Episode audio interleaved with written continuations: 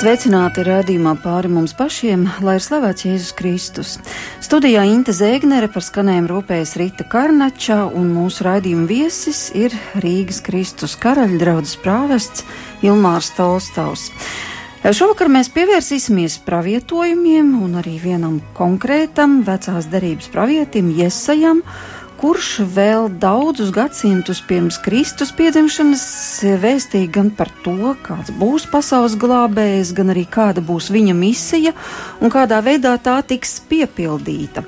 Un tāpēc vispirms es arī gribu vaicāt par tiem vēsturiskajiem apstākļiem, kādos tad īsti ir dzīvojis Jesaja un kādos apstākļos viņš no Dieva saņēma šos pravietojumus, kas attiec uz ļoti tālu nākotni. Es saprotu, ka viņš pravietoja ne tikai par to vienu, nu kāda bija tā vide un kāds bija viņš pats, šis Jesaja, kuru tik bieži, starp citu, arī tagad pirms Ziemassvētku laikā mēdz citēt.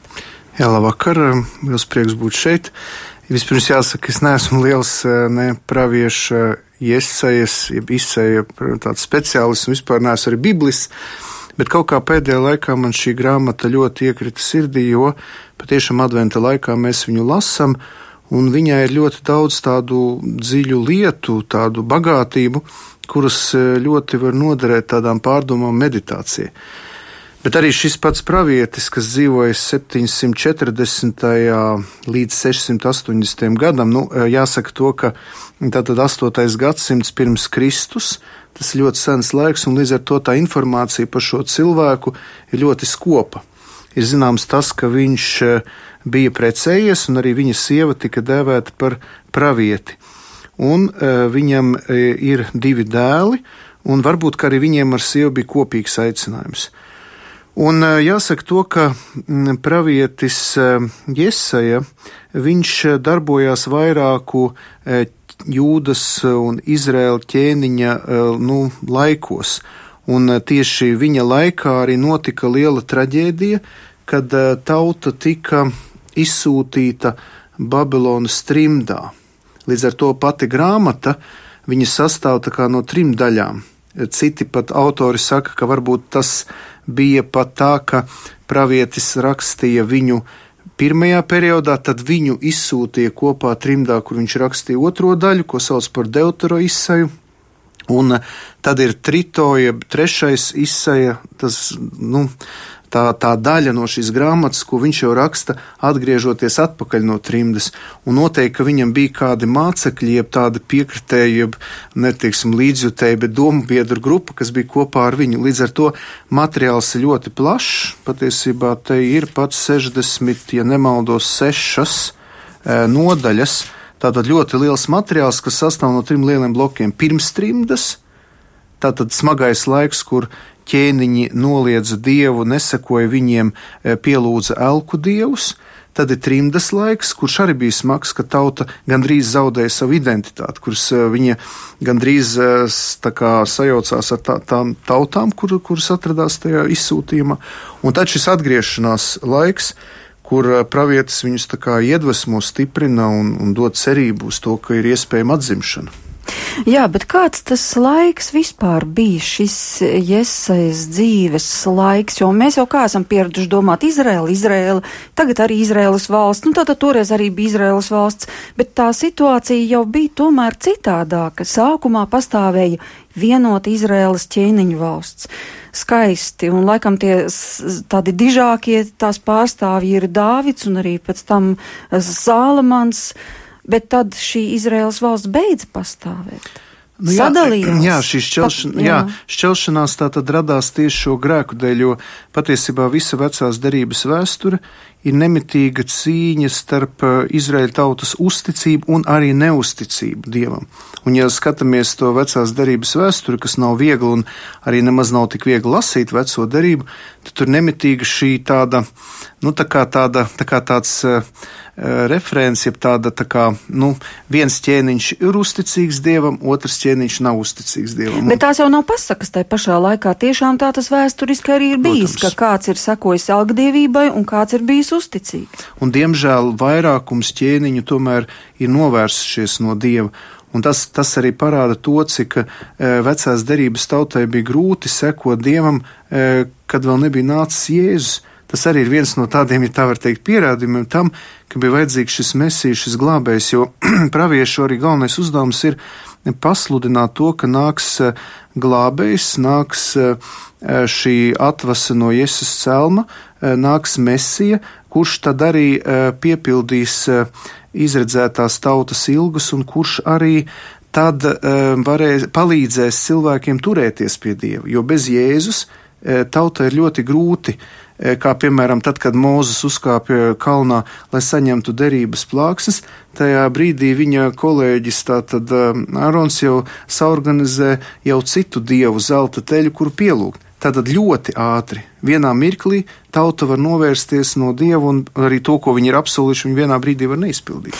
Bet uh, vienalga tīri psiholoģiski, vēsturiski vai kā citādi, to vispār ir iespējams izskaidrot, ka tauta, kas redz lielus brīnumus, kā jūra pašķiras viņu priekšā, kā viņi iziet e, cauri, uh, kā sacīt, sausām kājām gandrīz, ja, pēc tam, kā viņi ieiet apsolītajā zemē, un arī tāpat ūdens pašķiras viņu priekšā, un viņiem dots tiek apsolīts apsolījums, ka viņi ieies jau tiesa nākošā paudze, un tas notiek. Un ņemot vērā to, ka ik pa brīdim arī šai tautai tiek atgādināts, to ņemiet vērā, to atcerieties, atcerieties, to māciet saviem bērnu bērniem, ka tik īsa ir tā atmiņa, pat redzot tik milzīgus brīnumus.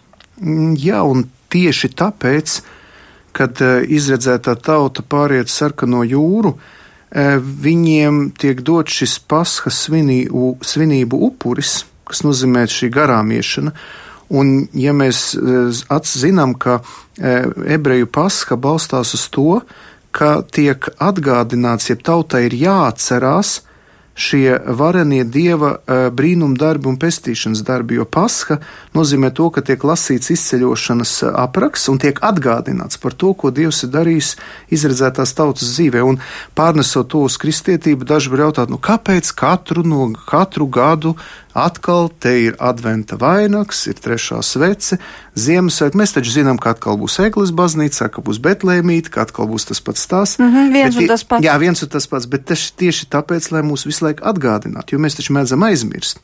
Tātad šī atmiņa kas ir jāuztur dzīva par tiem darbiem, ko Dievs ir darījis eh, nu, savas tautas dzīvē. Jo tāds īslaicīgs kaut kāds brīnums vai kaut kāda dieva iejaukšanās viņus to brīdi cilvēku aizrauja un fascinē, bet tikpat ātri tas viss tiek aizmirsts. Nu, tātad, kurā posmā šīs savas tautas vēsturē atrodas pravietis Jesaja, un varbūt arī kas ir viņa pravieši kolēģi, ja tādi vispār viņa laikā bija?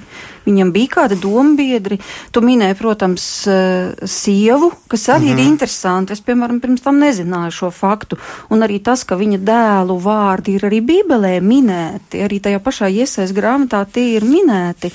Bet eh, nu, nu, viņš bija vienīgais tā laika pravietis, vai tomēr bija arī citi tajā laikā, kas kopā ar Iesaju vai pirms viņa? Uh mhm. -huh. Jo vienmēr jau ir tā, ka Dievs neatstāja savu tautu bez vadošām norādēm. Jautājums ir tikai, vai tā pati tauta tajā brīdī ir gatava paklausīt vai nē. E viennozīmīgi tas, ka viņa uh, domu biedrs gan mazliet iepriekš, nu, mazliet tā kā varētu teikt, nu, bet ap to pašu laiku arī ir, um, tātad viņš gan ir sestais gadsimts, tas nozīmē jau tuvāk, tuvāk ir. Pēc viņa tātad. Pēc vairāk. viņa, mm. Eh, tātad ir pravietis Jeremijs, kam ir ļoti līdzīga misija um, brīdināt tautu par Jeruzalemes izpostīšanu. Tas nozīmē, ka, eh, ja piemēram, eh, jau jāsaprot to, ka eh, pravietis tātad izsais, pravietis Iesai, viņš tātad priekšsludina šo te trimdu, bet pravietis Jeremijs arī pasludina par to, ka tauta var nonākt Babilonas verdzībā. Līdz ar to var, ja var teikt tā, ka viņš varbūt nav tiešā veidā viņa laika biedrs, bet jāsaprot to, ka tā, tā, tās vēstījums, kas bija pravietim Iesajam, ir ļoti līdzīgs ar pravieti Jeremiju, brīdināt tautu. Bet viņi brīdina par vienu un to pašu? Jā, viņi brīdina par to, ka nepaklausot dievam, būs konsekvences, būs sekas. Un tieši par Jeruzalemi. Jā, saka. par Jeruzalemi un arī par, par to, ka, par to, ka, piemēram, Jeremija gadījumā ir tā, ka ir notiek paradoks, jo Jeremijs saka, ka tautai ir jāpadodas Babilonas ķēniņa Nabuhadonozari, Nebukadnece rokās, bet nevis jāpaļaujas uz Ēģipti. Un tas šiem tautas eh, vadītājiem likās neloģiski, jo loģiskāk taču ir meklēt politisko, militāro atbalstu pie eģiptiešiem, bet pravietis saka, jums nav jādomā pēc savas loģikas, bet jums ir jāpaklausa Dievam. Un tiklīdz kā tauta nepaklausa Dievam, tiklīdz kā viņi sāk eh, paši ar savu prātu izdomāt lietas, kas jādara, viņi zaudē. Tad Jeruzalem tiek ieņemta, um, tauta tiek aizvesta Babilonas verdzībā, eh, svētnīca tiek iznīcināta, un tad eh, Jeremijas staigā par izpostīto Jeruzalemu, un ir šīs raudu dziesmas. Jeremija raudu dziesmas, kur viņš apraud šo Jeruzalemes bojājai. Bet vēl pirms visiem šiem notikumiem Iesai jau pravietoja, ka tā Jā, tas notiks. Viņš pravieto, un arī viņš patiesībā runā, un pravietim Iesai ļoti būtiski, ka viņa grāmatā, jeb te otrajā daļā, trimdas daļā, ir eh, ļoti skaists eh, cietēja kalpa apraksts, ko eh, kristieši uzskata par vienu no izcilākiem, vienu no izcilākiem tādiem Jēzus Kristus ciešanu un viņa kā cietēja kalpa priekšsludi, priekšsludinājumiem, jo e, tajā e, pravieša e, tātad Iesaja grāmatās, grāmatā 50. nodaļā, nu tur pirms tam ir pavisam ir trīs himnas, ja, bet viņš eh, saka, sastajā pantā, savu muguru es pagriezu tiem, kas mani sita, un savu vaigu tiem, kas raustīja un plēsa manu bārdu, savu vaigus neapslēp paļām uz pļāvieniem. Tātad viņš runā par konkrētu personu, un tas Jā. nav tā kā par visu tautu kopumā, bet viņš Jā. runā par konkrētu vienu personu vīrieti Jā, un, un viņa ciešanu. Un daudzi kristieši, lasot šo aprakstu, ir šokēti un pārsteidzoši, cik ļoti precīzi šajos tekstos ir aprakstīta Jēzus Kristus eh, ciešanas un viņa šis ciešanu ceļš. Tas ir pārsteidzoši. Un es esmu dzirdējis pat tā, ka es tā varbūt nepārbaudīta informācija, bet ir tāda, tāds, tāds, tā saka, ka e, ebrejiem pat ir aizliegts lasīt šo iesaistas grāmatas 50. nodaļu, jo ir tā, ka ebrejs lasot šo 50. nodaļu, viņš kaut kādā veidā uzreiz ierauga, jeb saprot, ka te ir runa par Jēzu Kristu, kurš ir cietis pie krusta. Tik ļoti uh, precīzi, detalizēti, detalizēti mm. ir aprakstīts, ka tas ir vienkārši šokējoši, kā pravietis šajā tālajā laikā varēja redzēt un to aprakstīt tik ļoti, ļoti detalizēti. Mm -hmm. Bet atgriezīsimies tomēr pie Jeruzālemes un pie paša pravieša Jēsajas un pie viņa kalpošanas sākuma. Tātad Dievs izradz pravieti ar konkrētu vārdu, tad konkrēta vēsturiska persona, Jesaja, un kas tad īsti notiek ķēniņu valstī, jūdejas ķēniņu valstī tajā laikā? Kas valda? Tad jau vēl Jeruzāleme, nu nekas, viss kārtībā daudz maz tajā, tajā, tajā sākuma posmā. Izraels ķēniņu valsts ir sadalījusies, tad pastāv, pastāv Izraels ķēniņu valsts Jā. un pastāv Jūdejas ķēniņu valsts. Un viņi Jā. arī domā par visādām politiskām lietām, droši vien, ar ko draudzēties, ar ko nedraudzīties, ko darīt ar Asīriju. Un... Mm -hmm. Jā, tātad pati grāmata iesākas ar to, ka parādības par Jūdu un Jeruzalem, ko Iesaja Amuca dēls redzēja Jūdas ķēniņu Usijas, Jotāma, Ahaza un Hiskijas valdīšanas laikā. Tā tiek uzskatīti vairāk ķēniņi Tas nozīmē, mm -hmm. ka mhm. ir ilgāks laika periods. Tas nozīmē, ka viņš tos visus ir pārdzīvojis. Jā, bet sestajā nodaļā tiek dota viņa teoloģija, viņa aicinājums. Vispirmām kārtām, kad nomira ķēniņš Usī, viņš redzēja parādību. Tātad viņiem bija parādība, kunga tronis, serafi, svēts, svēts, svēts ir kungs, cebauts, visa zeme ir pilna viņas godības, starp citu šis teksts ir iekļauts liturģijā. Jā, un to visu labi pazīst kā sanktus, sanktus daļu. Jā, tātad sanktus, jā, ko mēs pazīstam.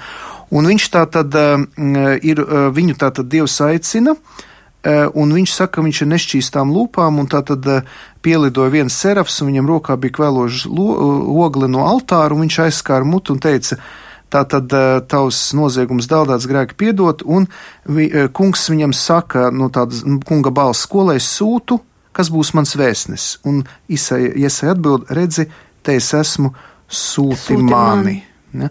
Un viņš saņem šo īpašo aicinājumu. Un viņa sūtība arī ir tāda mistiska sūtība, jo viņš, viņam kungs rāda to, ko viņš grib, ka, ko viņš ir paredzējis šai tautai, un viņš pravieto par kunga plānu, kunga nodomu attiecībā uz šo tautu. Mēs runājam par pravietojumiem, un ir daudzi pravieši bijuši, kā mēs redzam, vēsturiski, kas ir sludinājuši arī par Jēzus atnākšanu, tā skaitā, bet arī par Dieva tautai vajadzīgām svarīgām lietām. Un, ja mēs tā domājam, varbūt esam pārliecināti, ka Dievam ir plāns katra cilvēka dzīvē, pats labākais plāns, un ka Dievam arī ir plāns tautu pastāvēšanai. Nevelti, piemēram, arī Bībelē ir tas teksts, ja mana tauta atgriezīsies no saviem ļaunajiem darbiem, tad es eh, viņus eh, dziedināšu un svētīšu viņu zemi. Nu, es tagad citēju neprecīzi, bet tā ir tikai viena vieta, un viņš bieži vien saka, atgriezieties, bez manis cita nav neviena, es esmu tas kungs, un noliedz jebkādu tur eh, zilnieku un buršanu un dažādu šādu te kaktu pūšļošanu variantus, lai uzzinātu nākotni vai iegūtu padomu. Ļoti gari tagad uzdod jautājumu, bet iedomājies, Kāpēc tagad, piemēram, tā nav, ka katrai tautai būtu dots viens pravietis? Nu, iedomājieties, ka Latvijai ir viens pravietis, un vienkārši mums ir skaidrs, kaut vai ar valdības sastādīšanu, ja vien pravietī kāds klausās, ir skaidrs, kuram jābūt premjerministram, un, un lietas notiek. Bet vai tad tā ir? Toreiz tā bija, bet tagad? Um, nu, jautājums, vai tiešām tā toreiz bija? Uh, Bet mēs jo, jau redzam vēsturiski, ka bija. Jā, bet. Un arī tas pats Iesai deva padomus arī tiem ķēniņiem. Viņš taču deva padomus. Viņš viņiem. nedeva tieši padomus, jo vecās derības un vispār, vispār bibliskais pravietis nav tas, kas pareģo nākotni, un viņš nav arī tāds austrumu budisma guru, kas saka priekšā, kas jādara. E, pravieša galvenā funkcija savā tekstā, jo viņš nodod dieva vēsti. Viņš tādu nerunā savā vārdā, bet dieva vārdā. Un pravieša galvenais uzdevums ir saistīt pagātni, tagadni un nākotni, parādot, ka cilvēkam ir jāiet nu, tajā dieva ceļā, un tas nozīmē, ka pravietis saka, tā pagātnē bija tā, tagad ir tā, bet nākotnē būs tā. Ja jūs rīkosieties tā, tā. Un pravieša galvenais uzdevums ir pasludināt dieva gribu un parādīt dieva e, vēlmi, dieva ceļu, lai cilvēki atgrieztos pie dieva. Un var teikt, ka pēdējais pravietis šajā pasaulē, nu tādā vecās derības izpratnē, ir Jānis Kristītājs. Un Jēzus ir visu pravietojumu piepildījums. Un patiesībā mēs jau katrs, kas esam kristīti, arī esam gan priesteri, gan pravieši, gan karaļi, un līdz ar to mums vairs nav vajadzīgs uh, viens pravietis tāds, kuru mēs iedomājamies, ka vecajā derībā jums ir Jēzus Kristus, un sekojot viņam, mēs katrs savā jomā arī realizējam šo pravietojumu funkciju. Un tas saskan ar šo vecās derības pravienu. Tikai vecajā derībā vēl nebija nācis Jēzus Kristus, līdz ar to šie vecās derības pravieši, viņi tomēr, nu, viņi runāja Dieva vārdā, bet mēs redzam, ka arī viņu pravietojums bija, nu, negribu teikt nepilnīgs, bet viņš vēl bija ceļā uz mesijas nākšanu. Jo šeit, piemēram, jau sākot ar septīto nodaļu, Jaunava kūza kļūs guļu rūta un zemdēs dēlu, viņa tam dos vārdu Emanuels. Jums ir piedzimis bērns devītajā nodaļā, e, jums, mums ir dots dēls. Tātad visi šie teksti, tauta, kas staigā tumsi, ieraudzīs spožu gaismu. To mēs visu lasām Ziemassvētkos. Tie ir tie teksti, kas runā par, piemēram, 11. nodaļa, pirmais pants zars riesīsies no izsēja celmu un atves no viņa saknēm nesīs augļus. Tātad, nu, ir interesanti, ka arī pravietis Jesaja, sludinot to vēsti tiem karaļiem un tautai, netieši, un to tikai mēs Jēzus Kristus gaismā varam saskatīt. Varbūt viņi toreiz nemaz to nesaprata. Nesaprata. Viņi ne, viņi praktiski, un tur ir tā lieta, ka pravietis spēja nolasīt eh, tajā brīdī, kad pravietis runā, viņu nesaprot, pārprot, eh, viņu pat ignorē un pat viņu nogalina. Kā Pēc... arī notika, cik es saprotu, ar pašu iesaistu. Nogalina. Jeremija iespundēja tādā sprostājā, negribēja viņu dzirdēt. Beidz tad runāt, cik mēs varam tev klausīties. Un tikai pravietis, kad runā, viņš tā kā ar savu runu pārsniedz laiku, bet viņu var saprast tikai nākotnē. Un no nākotnes perspektīvas ir skaidrs, ka pravietis jau uh, brīdināja, mudināja, norādīja, aicināja un tā tālāk. Ja. Bet lielākoties pravietojums ir vērsts uz nākotni, bet nevis lai pareģotu notikumus, bet ar tādu domu, lai mēs jau tagadnē mainām savu lēmumu, lai mēs e, pieņemam lēmumu, sekot Dievam un iet viņa ceļus.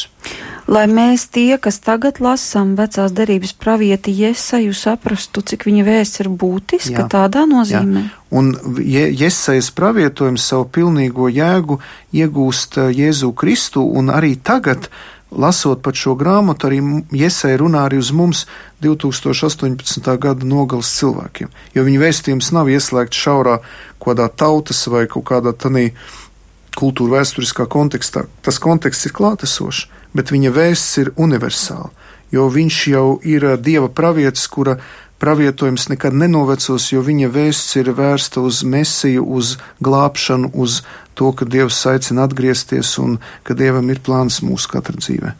Mm, un tad arī saprotamāk skan šie vārdi tauta, kas staigāja tumsībā, ieraudzīs Jā. lielu gaismu. Jā.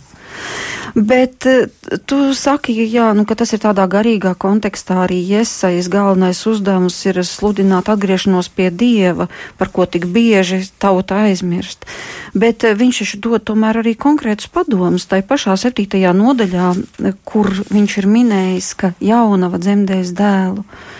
Un tas jau vien varēja radīt ļoti daudz jautājumus tajā laikā. Bet tur viņš arī tomēr šīs septītās nodaļas sākumā arī saka, ka uh, tad kungs, Dievs pavēlēja Jesajam izēja ar savu dēlu um, Ahasam pretī, un viņš norāda vietu, kur viņam šo ķēniņu Ahasu sagaidīt, un saki Ahasam konkrētas lietas.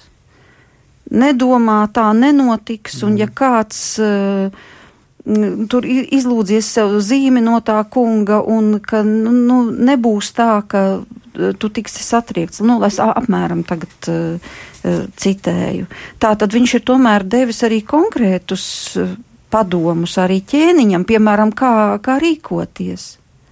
Un ka tie, kas ir teikuši, iesim pret jūdu, aplenksim un iekarosim to un iecelsim tur citu ķēniņu, Dievs tas kungs saka, nē, tā nenotiks. Tas neizdosies. Tātad viņš jau pasaka ķēniņam pavisam tuvu nākotni.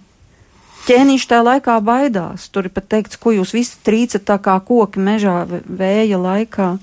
Viņš, viņš, viņam ir dots no dieva tas pārdabiskais redzējums, pateikt, tā nebūs.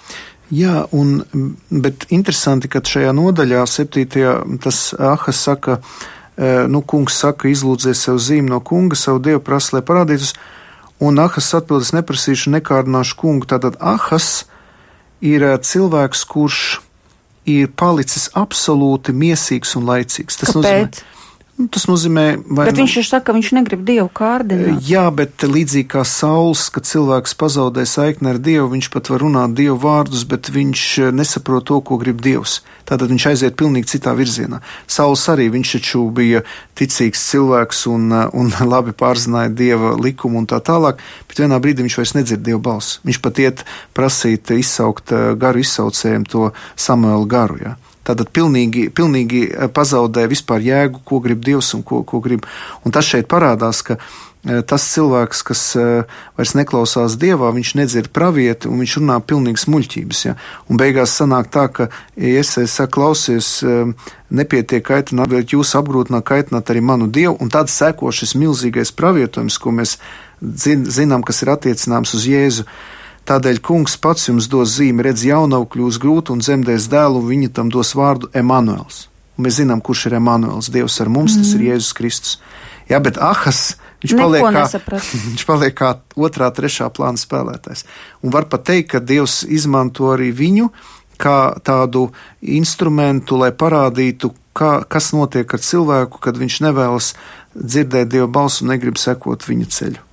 Nu, tā ir pilna arī Bībele, jo Bībeles notikumiem ir arī tāda nozīme, ka viņi tiek, nu, Dievs viņus tā pieļauj, lai pēc tam caur šiem notikumiem kristieši lasot jaunās derības gaismā veco derību, caur šiem prototipiem, caur šiem arhetipiem, un ļoti daudz personas ir kā tādi, nu, pirmtēli daudziem uh, Bet viņi ir reāli no... dzīvojuši. Jā, mm. un tas ir pats interesantākais, ka tādā veidā tā vecā derība kļūst dzīva, un mēs sākam redzēt, ka tas viss ir būtiski, un ka tas ir, tur ir šī cīņa arī starp ticību un neticību, starp elgdievību un uh, ticību vienam patiesiem dievam. Tātad tur viss notiek, tur atklājās tā cīņa, un tā ir dzīva cīņa, tā nav samākslot, bet var redzēt, ka Dievs te ir klātsošs un nu, notiek arī tādas traģiskas, notiek ļoti radikālas lietas, kas arī nu, izraisa daudzas arī konsekvences.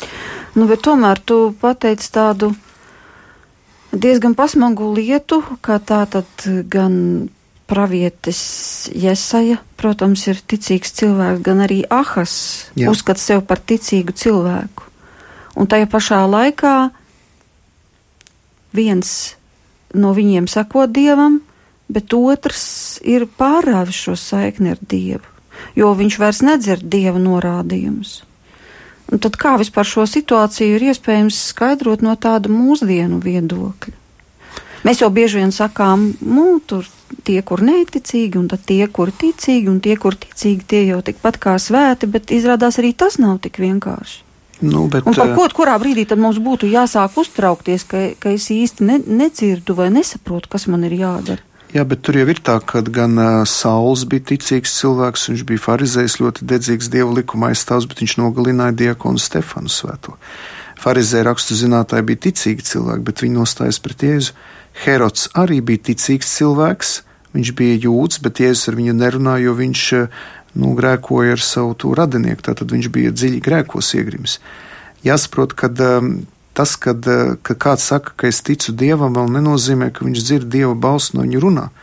Tur jau ir tas jautājums, ka e, daudz cilvēki saka, ka viņi tic dievam, bet netic baznīcai vai netic e, dieva vārdam, jo nu, tā var jau pats cilvēks izveidot savu dieva attēlu un savu reliģiju un savu pieeju, kā viņš grib sastapt Dievu, bet jautājums, vai tas ir tas patiesais Dievs.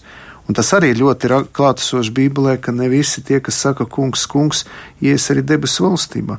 Un ļoti daudzās situācijās, tāpat Saula un Dāvida situācijā, kur Sauls ar putām uz lūpām ir gatavs nogalināt Dāvidu Dievu vārdā, ja vai, vai greizsirdības dēļ.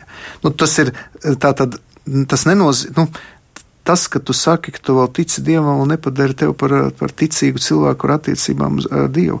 Tāpēc šī pravietojuma nolasīšana, jeb nolasīt to, to autentisko Dievu vēstu, tas ir ļoti svarīgs uzdevums. Nu, te varētu dziļi nopūsties un tomēr uzdot arī nākošo jautājumu, respektīvi, kas tad būtu jādara, vai arī cik lielā mērā būtu jāuztraucās, nu, ja es nespēju nolasīt to, ko Dievs saka. Vai arī kāpēc es nespēju, vai arī kā man to nolasīt. Nu, es, es neesmu pravietis Iesai, ne arī pravietis Jeremija. Un arī nenāk pie mums, neklauvē pie durvīm ne pravietis Iesai, ne pravietis Jeremija. Un bieži vien dažkārt pat garīdzniekiem kaut kādos jautājumos var būt atšķirīgs viedoklis, ja vien tas nu, ir nu, tāds nav fundamentāls jautājums. Nu, paldies, un, Dievam, paldies Dievam, ka mums ir lielais pravietis ar lielo burtu Jēzus Kristus. Tātad priesteris, pravietis un karalis tas ir vis, visaugstākajā pakāpē. Un es tomēr varu teikt, ka e, pats esot katoļu priesteris un esot baznīcā, es varu teikt, ka jā, e, ārpus baznīcas nav un nevar būt pestīšanas. Protams, e, pēc Vatikāna otrā koncila mēs varam diskutēt par to, cik plašas ir baznīcas robežas, mēs zinām to, ka Vatikāna otrais koncils paplašināja uh, baznīcas robežas, uztverot, ka arī tie, kas atrodas ārpus institucionālās baznīcas, arī kaut kādā veidā netieši saistīti ar baznīcu. Kā, bet tas būtu atkal cits jautājums. Mm. Bet ko es gribu teikt, ka tieši atrodoties kristiešu kopienā, kas ir baznīca, tas man rada šo drošības sajūtu, ka visi kristieši kopumā, un mēs zinām, ka baznīca ir Kristus mistiskā miesa, Ja? Tātad eh, mēs esam arī kā dieva tauta, un līdz ar to Kristus kā pravietis, kurš mājo baznīcā, eh, man palīdz eh, nonākt pie autentiskās dieva izpratnes un arī nonākt pie šīs nu, sastapšanās ar dievu. Jo tad caur visu baznīcu šis pravietojums ir autentiski klātesošs, jo baznīca man palīdz saprast, pravieša iesaistas grāmatu, Jeremija grāmatas, vecās derības praviešu. Nē, Baznī... to es saprotu, bet katram jau mums ir sava individuālā dzīve, un ja reiz ir rakstīts, ka manas āvis dzird manu balsi mhm. -huh. un tai paklausa, Tā, tas nozīmē, nu, ja, ja tagad kristieši ir Jēzus ganāmpulks, nu tā tad āvis, lai kādam varbūt tas tik ļoti nepatiktu, apmēram par aitām kādu nodēvēt, ja, tad tajā pašā laikā tur ir jābūt klātsošam šim momentam, ka es dzirdu gan, mm -hmm. es saprotu, kas man ir jādara, es saprotu, kur man šodien ir jāiet. Nu, skaidrs, ka uz darbu, saprotams, bet ir kaut kādas lietas, kurās tu saproti, ka tā nav tava griba, bet tā ir Dieva griba, Jā. kurai svarīgi ir paklausīt. Ja, nu, bet tur, kā tad sasniegt to šā, tā, stāvokli? Manas personīgās attiecības ar Jēzu, kas veidojas manā sarunā, manās, nu, jā, šajās manās personiskās attiecībās ar Jēzu, ir eh, vajadzīga sinhronizācija. Tā ir ļoti moderna nota par sinhronizāciju.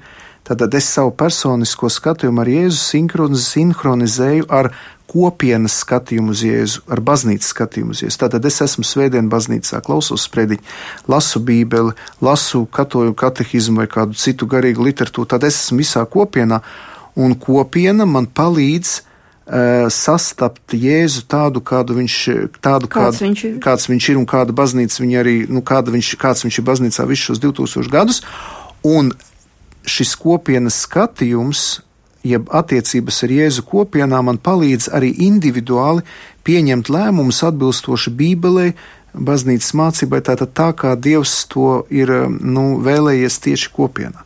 Līdz ar to, tad, kad es esmu kopā ar citiem kristiešiem, tad līdz ar to man ir vieglāk pieņemt savus individuālos lēmumus, jo tad es nemitīgi dzirdu Dieva balsi caur baznīcu, caur kopienu, un tad mans lēmums ir Jo neviens jau manā vietā nepieņems manus individuālus lēmumus, bet tad es jau būšu apgaismots no augšienes, autentiski caur baznīcu, un līdz ar to mani lēmumi būs, ja tā var teikt, dieva gara svaidīti un uh, ied, iedvesmoti.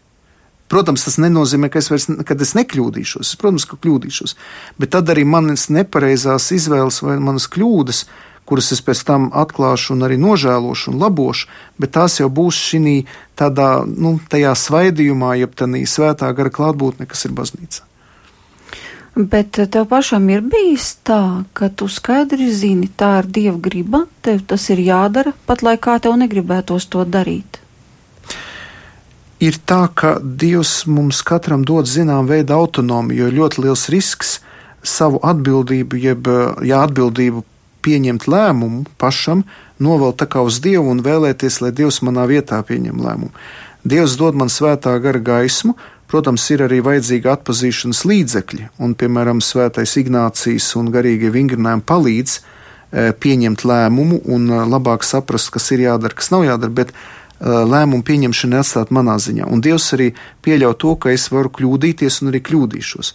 Bet viņš man dod šo uh, apsolījumu, ka pat ja es arī kļūdos, viņš tik un tā mani virzīs atpakaļ uz labo. Vienkārši viņš apgaismo manu prātu, manu gribu, lai es pēc iespējas e, vairāk pieņemtu lēmumus atbilstoši evaņģēliem, Bībelē, baznīcas mācībai, desmit baušļiem, visam tam, ko Dievs uz mani runā, dzīvojot regulāru garīgo dzīvi. Tātad līdz ar to dzīvojot baznīcas dzīvi, dzīvojot aktīvu kristiešu dzīvi, ir lielāka iespēja, ka pieņemot lēmumus manā dzīvē, es tos pieņemšu atbilstoši evaņģēliem, baznīcas mācībām, tā kā to grib Dievs. Bet tas negaran nenozīmē, ka es nekļūdīšos.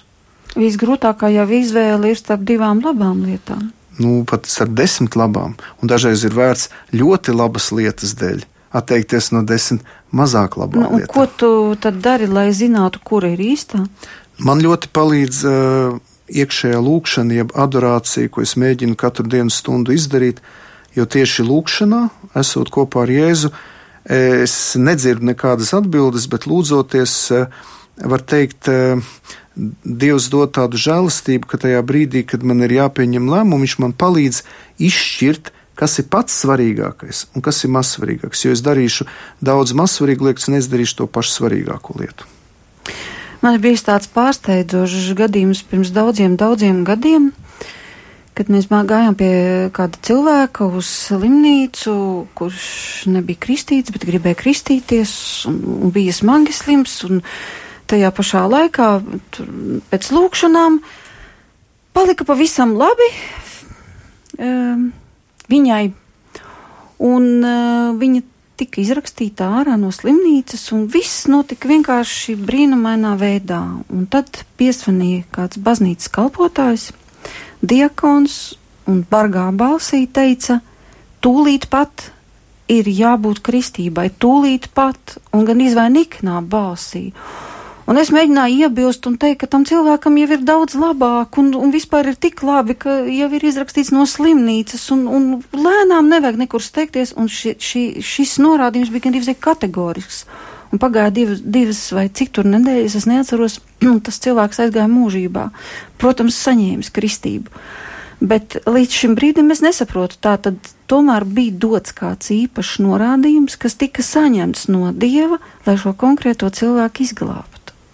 Tā tad mēdz būt arī tā. Jā, ir gadījumi, kad Dievs var iejaukties arī ārkārtējā veidā, caur dažādām parādībām, zīmēm un dažreiz pat arī brīnumiem. Un uz to arī jābūt gataviem, ka dažreiz Dievs, lai īstenot savu plānu, viņš var veikt arī tādu ārkārtēju iejaukšanos. Viņš to bieži nedara, jo daudzas lietas notiek dabiskā veidā. Bet es arī kā priesteris eh, savā ikdienā piedzīvoju arī pārdabiskus momentus, kurus es arī līdz galam nevaru izskaidrot. Bet ar to ir jārēķinās, jo, ja Dievs mūs vada, Viņš arī mūs eh, var vadīt arī tādā ārkārtējā veidā. Bet tur, protams, ir jābūt atkal šai atpazīšanai, nolasīšanai, jo to var nolasīt tikai ticības gaismā. Ja nav ticības, tad cilvēks saka, nu jā, tā bija sagadīšanās, nu, nejaušība. Bet eh, ticīgs cilvēks dažādās zīmēs, dažādos brīnumos eh, saskatīs dieva klātbūtni un ieraudzīs, ka tās zīmes nāk no dieva. Bet tur ir vajadzīga ticība. Bet kā šobrīd ir ar pravietojumiem? Jo tu sacīji, ka Jānis Kristītājs ir bijis no pēdējiem lielajiem praviešiem, un pēc tam nāca Jēzus, bet tajā pašā laikā e, ir sacīts arī Bībelē, ka viņi darīs vēl lielākas, un to Jēzus saka, ka viņi vēl darīs vēl lielākas zīmes par šīm, un ir pat minēts, ka pienāks laiks, kad eh, nu, jaunekļi pravietos un mm. vecie redzēs sapņus, un es tagad neprecīzi mm -hmm. citoju, un ka, ka Dievs saka, es izliešu no sava gara. Un kā tad tagad ir ar pravietošanu? Pravietošana ir beigusies. Daudzi sacīs, ka nē. Nē, viņi turpinās, bet eh, visi pravietojumi var būt tikai Jēzus Kristus vārdā un viņa personā, viņa spēkā. Līdz ar to Dievs ir devis baznīcu, kuras ietvaros, un es vēlreiz uzsveru šo kopienas aspektu, ka pravietojumi ir jāpārbauda, vai viņi tiešām nāk no Dieva, jo, diemžēl, arī ļaunais gars, kurš ir nu, reāli eksistējošs, kurš mēdz arī uh, sēt viltus pravietojumus. Tāpēc arī baznīca ir dota tāda vara un uh, autoritāte atpazīt, vai kāds pravietojums, vai vēstījums, vai parādība nāk no Dieva vai nē, jo arī svētais Jānis no Krusta, kuru piemiņas dienu mēs nesen svinējām, mm. viņš ir mhm. teicis, ka 14. Decembrī. Jā, kāpēc mums vajadzīgi vēl kaut kādi vēstījumi, ja mums ir Jēzus Kristus vēstījums? Tātad Jēzu Kristu ir pateikts viss, un ja kāds vēl kaut ko prasa vēl vairāk par viņu, tad viņš grēko. Tātad Jēzu Kristu ir pateikts viss, un ik viens cits pravietojums, vai šī zīme vai brīnums, viņš ir jāskata e, Jēzus Kristus gaismā un jāveic šī verifikācija pārbauda, vai šis brīnums vai zīme, vai, ir, vai tas nāk no Jēzus Kristus. Un tāpēc ļoti svarīgi, lai šādi brīnumi vēstījumi būtu ļoti saistīti ar baznīcu kā kopienu, jo baznīca ir tā, kurai ir dota šī augstākā atpazīšana. Protams, pāvis visaugstākā mērā, pat bīskapi, priesteri, diekoni, tātad šī. Nu, tāda ir katoļu baznīcas kārtība. Jā, saistīts. Mm. Bet es domāju arī, nu, ja skatāmies tādā ekumeniskā kontekstā arī saistībā ar citām kristīgām konfesijām vai kopienām, ļoti svarīgi, lai cilvēks nebūtu viens, jo tiklīdz kā ir pravietis, kurš saka, ka es vienīgais visu zinu, ka Dievs uz mani runājas personīgi un ka es te zinu visu. Ja. Kaut gan uz baznīcu nē. Jā, nu vai kā savādāk. Tur vienmēr ir risks, jo šādi viltus pravieši, īpaši pie harizmātiskās kopienos, ļoti raksturīgi, kad eh, cilvēks sāk teikt, ka viņš zina, viņš dzird, viņš redz, un tad risks vai nav, vai gadījumā viens vai pats cilvēks to neizdomā. Vai varbūt ļaunais gars ar viņu runā, un sēž nemieru, un, un šķelšanos un šaubas. Tāpēc ļoti svarīga šī atpazīšana. Un katoļu baznīcā tā ir hierarhija, tie ir atbildīgie, piemēram, garīdznieki, vai arī kādi atbildīgi arī varbūt parastie lai vai nu, ticīgie, varbūt kāds kopienas atbildīgais, kuram ir uzticēta šī atpazīšana, jo jābūt ļoti uzmanīgiem, jo šeit arī vecajā derībā ir daudz viltus praviešu, kā piemēram Elija gadījumā, kad bija, šī, bija šīs cīņa ar bāla priesteriem, ja, kur viņam vajadzēja salikt šo upuri, ja, tad bija viltus pravieši. Ja. Bija ļoti daudz viltus pravietojumu un bija ļoti grūti, dažreiz pat īstiem pravietiem bija ļoti grūti pasludināt vēsti, jo viltus pravieši masveidīgi runāja virsū pilnīgi citu pravietojumu, ja. pilnīgi citas lietas. Ja. Bet tātad tas bija ļoti populāri izteikt pravietojums tajā jā, laikā. Jā. Daudz populārāk varbūt nekā šodien. Vēl. Jā, jo tāpēc, kad uh, karaļi gribēja, nu, līdzīgi arī kā nekristīgajā uh, vidē bija uh, grieķu, tātad šis, šie delfi, kur bija šis orākuls, jā, tā, nemaldos, plīnija, kuru sēdēja un, un nāca pat Maķedonijas Aleksandrs, lai tajos dūmos, jeb garaiņos, kas tur izgaroja no tā, no tā zemes atvēruma, lai saskatītu, ko tālāk darīt. Jā. Tajā nu, laikā, saskatīja? nezinu, ko viņš tur saskatīja, bet tāda ir tāda teikt, ka seno laiku cilvēki gāja pie tādiem orākuliem, pie tādiem guru, vai meklēja kādus tādus, eh, tādus redzētājus, kur varētu pateikt, kas būs nākotnē. Bet kristietība ir pilnīgi cita koncepcija. Tātad eh, Jēzus Kristus ir tas, kas atklāja sev vārdā, un ja es lasu Bībeli, ja es lūdzos, ja es eju uz baznīcu, ja es dzīvoju baznīcas šajā garā, ja, tad uh, Dievs uh, man um, dod šo žēlastību, kad lēmumu pieņemšanu vai arī mana, mana dzīve jau ir šajā pravietiskajā kategorijā. Līdz ar to es jau pieņemot lēmumus, runājot, darbojoties, es darbošos tā, kā to grib Dievs, jo es jau esmu Dieva vadībā. Es dzīvoju ar svētiem sakramentiem, es lūzos, tātad Dievs ir manī, Viņš ir mani vada. Protams, nepilnīgā veidā, jo es vēl esmu tikai cilvēks. Arī mēs katrs esam grēcīgi, mēs varam kļūdīties, arī mēs varam izteikt kādu viltus pravietojumu, arī mēs varam visu kaut ko sastāstīt. Tas, no tā mēs neviens neesam pasargāti. Nu, tu viltus pravietojums, tas skanēja tā aizdomīgi, jo es, piemēram, neuzņemtos izteikt jebkāda veida pravietojumu vispār. Bet mēs mēdzam arī cilvēkam kaut ko tādu pateikt, jau nu, tautas valodā saka, tā kā norakstīt. Ja mēs pasakām, nu, ar tevi jau tur nekas nebūs. Piemēram, vecāki dažreiz bērniem jau bērnībā pasaka, ka viņi nekas nebūs. Ja. Vai, piemēram, nu, no tevis jau nekas nesanāks. Tas jau nav nekāds pravietojums. Nu, tas tā, tā ir stulba vecāku rīcība. Jā, bet dažreiz tas ļoti var līdzināties arī tādam lastam kad uh, vecāki gan uzliek bērnam lastu, ka tur no nu, tevis jau nekas nenāks. Un viņš to dzird, un viņš to pieņem kā tādu labi. Uh, tas uh, vecāks nerunā tā kā nu, dievu vārdā, bet viņš tomēr viņam ir autoritāte. Mm. viņš to uztver kā tādu patiesību un pēc tā arī dzīvo. Bet katrā ziņā pravietojumus kā no dieva dotus arī šajā jaunās darības laikā neviens nav atcēlis. Tā būtu pareizi sacīt vai ne, jo ir satīts, sacīts, tā ir jau jaunā derība, kur ir sacīts, ka kādam ir dāvana sludināt, kādam draudzē ir dāvana pravietot, vēl kādam dziedināt. Nu, primāri no teoloģiskā viedokļa, jā, no, primāri no teoloģiskā viedokļa katrs cilvēks, kas ir nokristīts, viņš jau saņem šo pravieša dāvanu kristības sakramentā. Un mēs viens otram esam pravieši. Tāpēc baznīcā mēs viens otram esam pravieši ar to, ka mēs arī kaut kādā veidā nu, sludinām Dieva vārdu, mēs, mēs pasludinām Dieva vēsti, mēs arī norādām, piemēram, kā cilvēks grēko, mēs arī brālīgi aizrādām kādam brālim vai māsai, ka viņi ir grēkojuši. Tad arī mums ir baznīcā katram kristītajam. Vienalga, vai viņš ir katolis, kristīts vai viņš ir garīdznieks, viņam ir šī pravietiskā funkcija jau pašā kristības sakramenta spēkā. Jā, un tūlīt jau mūsu raidījums arī tuvosies noslēgumam, bet es gribu vaicāt, kāds tad ir noslēgums Iesais grāmatai.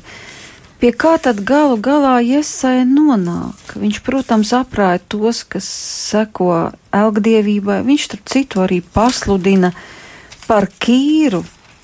viņš nosauc vārdā ķēniņu, kurš vēl nebija piedzimis un pavēsta, ka tas pavēlēs atjaunot Jeruzālim pēc trimdes, kaut gan viņš to runā laikā, kad Jeruzālim vēl nemaz nav trimdu piedzīvojusi.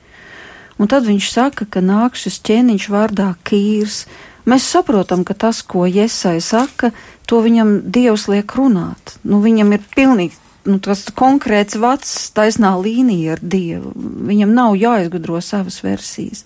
bet ar ko tad viņš noslēdz šo savu grāmatu? Ko viņš mums apsola? Nu, viņš pat 18. gadā. Jā, viņš var teikt tajā trešajā daļā, kas ir šī, tas, sākot jau no 55. nodaļas, Viņš saka, es radīšu jaunas debesis, jaunu zemi, kā agrākās vairs nepieminēs, un tās nevienam vairs nenāks prātā.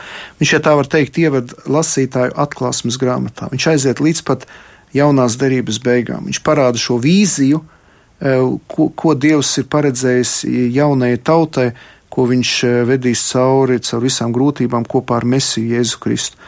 Viņš e, nemin vārdā Jēzu Kristu, bet visa iesaistas grāmata runā par Jēzu par viņa plānu, par viņa nodomu attiecībā uz savu tautu un visu cilvēci. Un ko viņš saka par jaunām debesīm un jaunu zemi? Viņš saka, ka agrākais ir pagājis, lūk, es visu daru jaunu. Un tas arī šis adventa no vēstījums par Jēzus Kristus dzimšanu, ka ar viņa dzimšanu iestā, iestājas jauns laikmets. Tas ir šis eh, atzimšanas, šis jaunās derības laikmets.